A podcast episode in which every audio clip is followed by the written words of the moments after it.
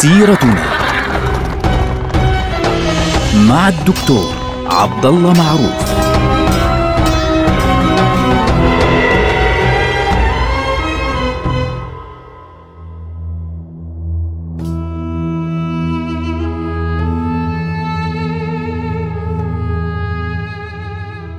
السلام عليكم ورحمة الله وبركاته. سيرتنا سيرة هذه الأمة ونحن الآن في نهايات عهد الدولة العثمانية.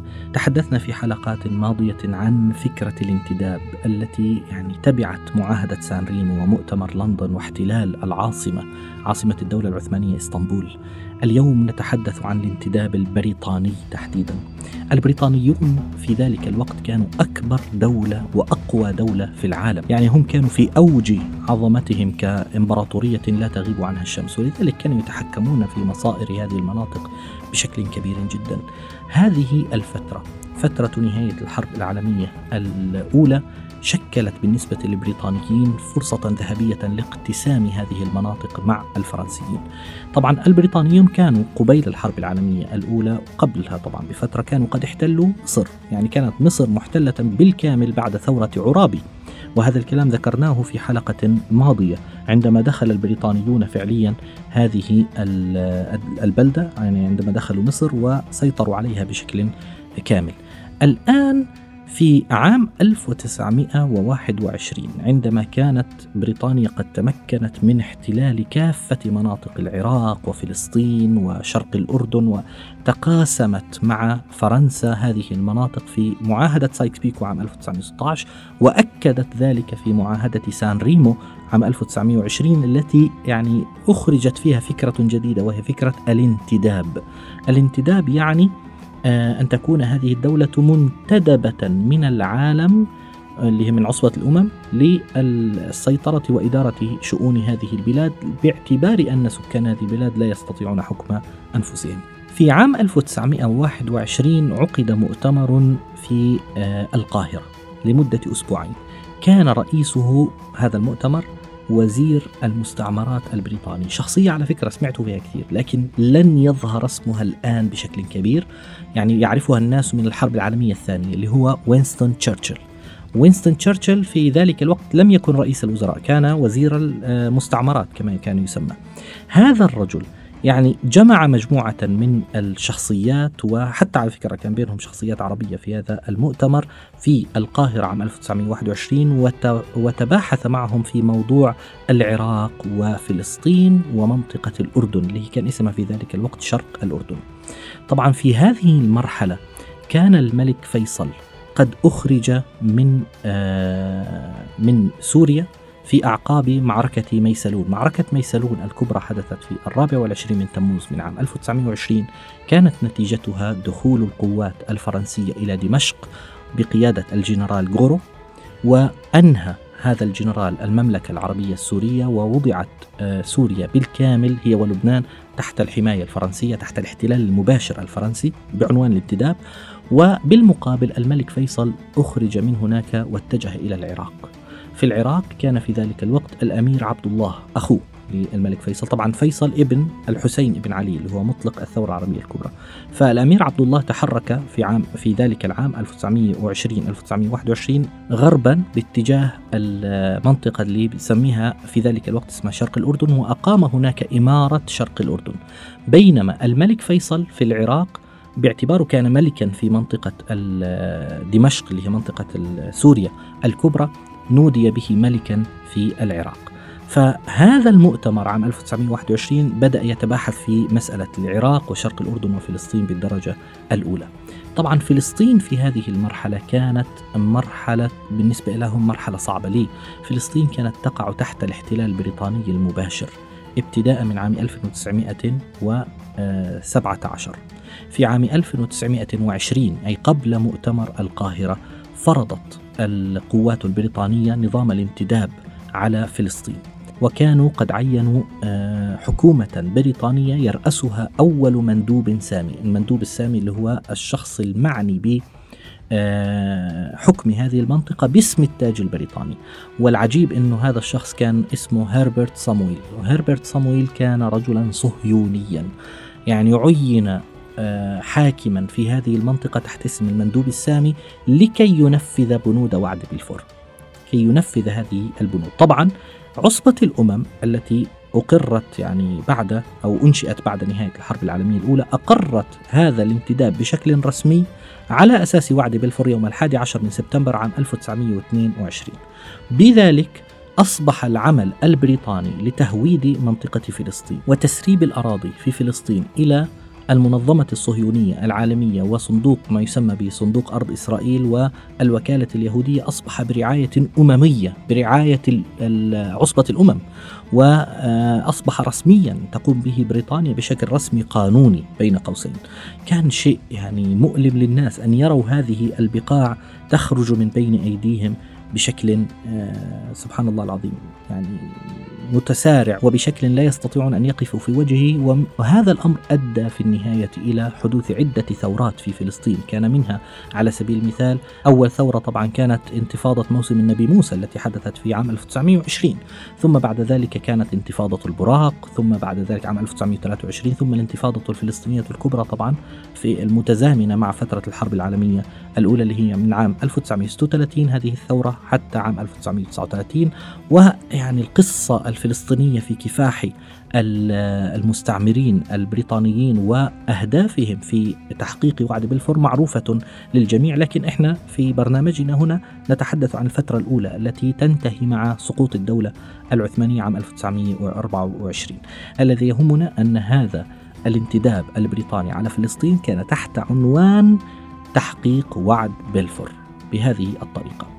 طبعا فيما يتعلق بالجزء الآخر اللي هو القسم الشرقي من المنطقة اللي منطقة اللي حوالين نهر الأردن أي الضفة الشرقية أقيمت في هذه المنطقة إمارة تحت إمارة الأمير عبد الله ابن الحسين ابن علي اللي هو مطلق الثورة العربية الكبرى.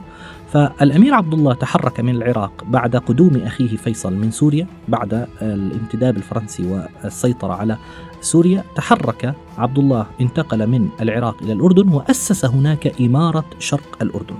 فإمارة شرق الأردن فعليا هذه المنطقة تمتعت في ذلك الوقت بحكم ذاتي في هذه المنطقة طبقا لمذكرة سميت مذكرة شرق الأردن في عام 1921 بموجبها تم استثناء القسم الشرقي اللي هي الضفة الشرقية من نهر الأردن من وعد بلفور.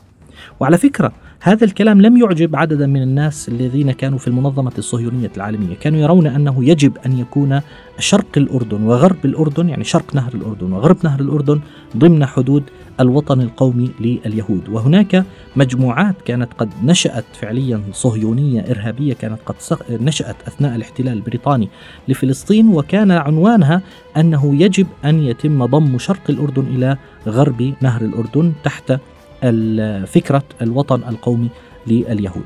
آه، طبعا هذه المذكرة أقرت بأن شرق الأردن إمارة مستقلة فيها حكم ذاتي تحت الانتداب البريطاني. وبقيت تحت الانتداب البريطاني حتى عام 1946 عندما استقلت الأردن وبعدها بأربع سنوات في عام 1950 يعني بعد النكبة بسنتين بعد نكبة فلسطين بسنتين تم إعلان المملكة الأردنية الهاشمية التي تضم هذه المنطقة اللي هي إمارة شرق الأردن سابقا ومنطقة الضفة الغربية التي تمكن الأردن من الحفاظ عليها في آه، حرب عام 1948 إضافة إلى شرقي مدينة القدس.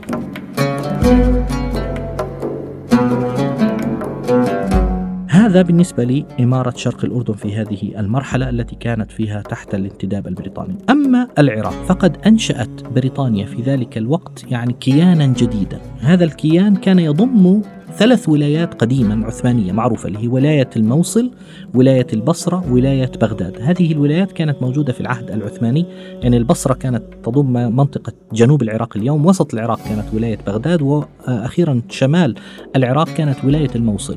الإدارة العامة كانت في العراق دائما في بغداد. فبالتالي تم إنشاء آه، كيان جديد. هذا الكيان سمي باسم العراق كاملا وكانت عاصمته بغداد. هذا العراق الذي أنشئ في ذلك الوقت تكون من هذه الولايات الثلاثة وكان آه، تحت الحكم البريطاني تحت الانتداب البريطاني في ذلك الوقت. طبعا البريطانيون كان يهمهم أن العرب في هذه المنطقة يشعروا أنهم حصلوا على شيء ولذلك غضوا الطرف عن موضوع السيطرة على هذه المنطقة. بالكامل من قبل العرب وإعلان الملك فيصل ملكا على هذه المنطقة. طبعا فيصل الأول توج في عام 1921 آه، ملكا على آه، هذه المنطقة على العراق. واعترفت بريطانيا بذلك فعليا بموجب مؤتمر القاهرة. يعني تشرشل لما كان في مؤتمر القاهرة عام 1921 آه، أراد أنه يعني منطقة بلاد الشام ومنطقة العراق أن تستقر. فلذلك عندما خرج فيصل من منطقة آه، سوريا باتجاه العراق رأى يعني تشرشل أنه يفترض يعني لتهدأ هذه المنطقة أن نقبل بفيصل ملكا على العراق. وكان هناك توصية على فكرة بإجراء استفتاء. حتى يتم تأكيد تنصيبه. وفعلا هذا الاستفتاء يعني أقر هذا الإعلان وتم إعلان فيصل رسميا ملكا على العراق يوم الثالث والعشرين من شهر آب أغسطس اللي هو شهر 8 عام 1921 طبعا مؤتمر لندن كان قد حدث في شهر مارس آذار اللي هو شهر ثلاثة. يعني بين هذا المؤتمر وإعلان فيصل حقيقة ملكا بشكل كامل على العراق كان حوالي خمسة أشهر.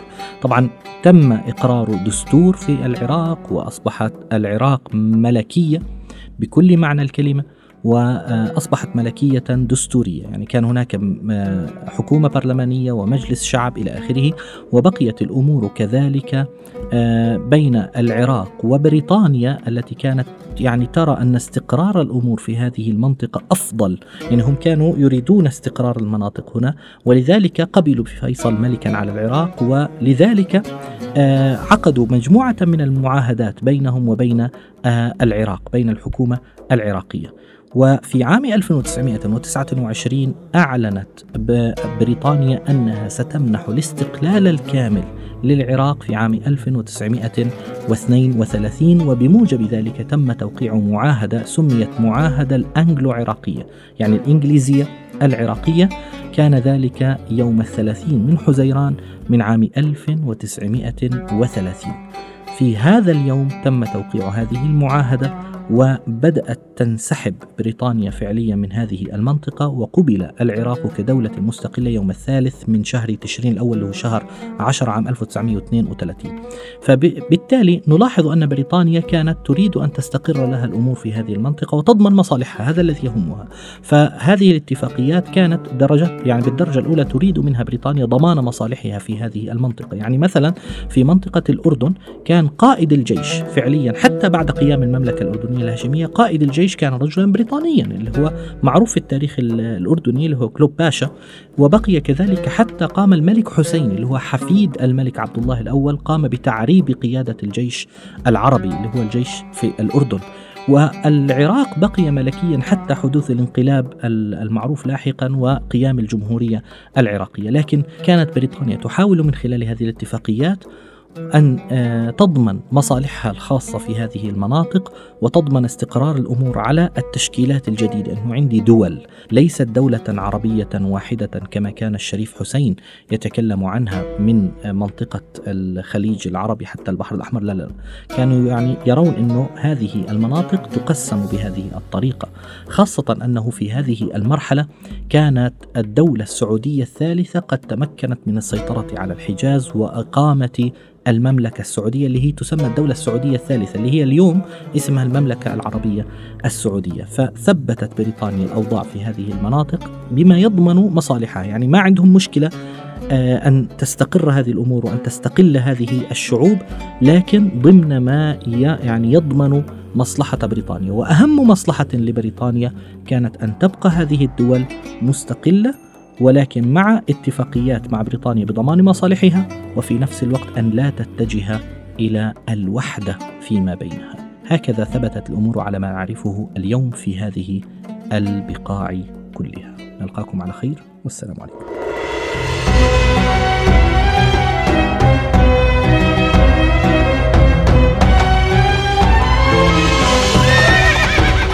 سيرتنا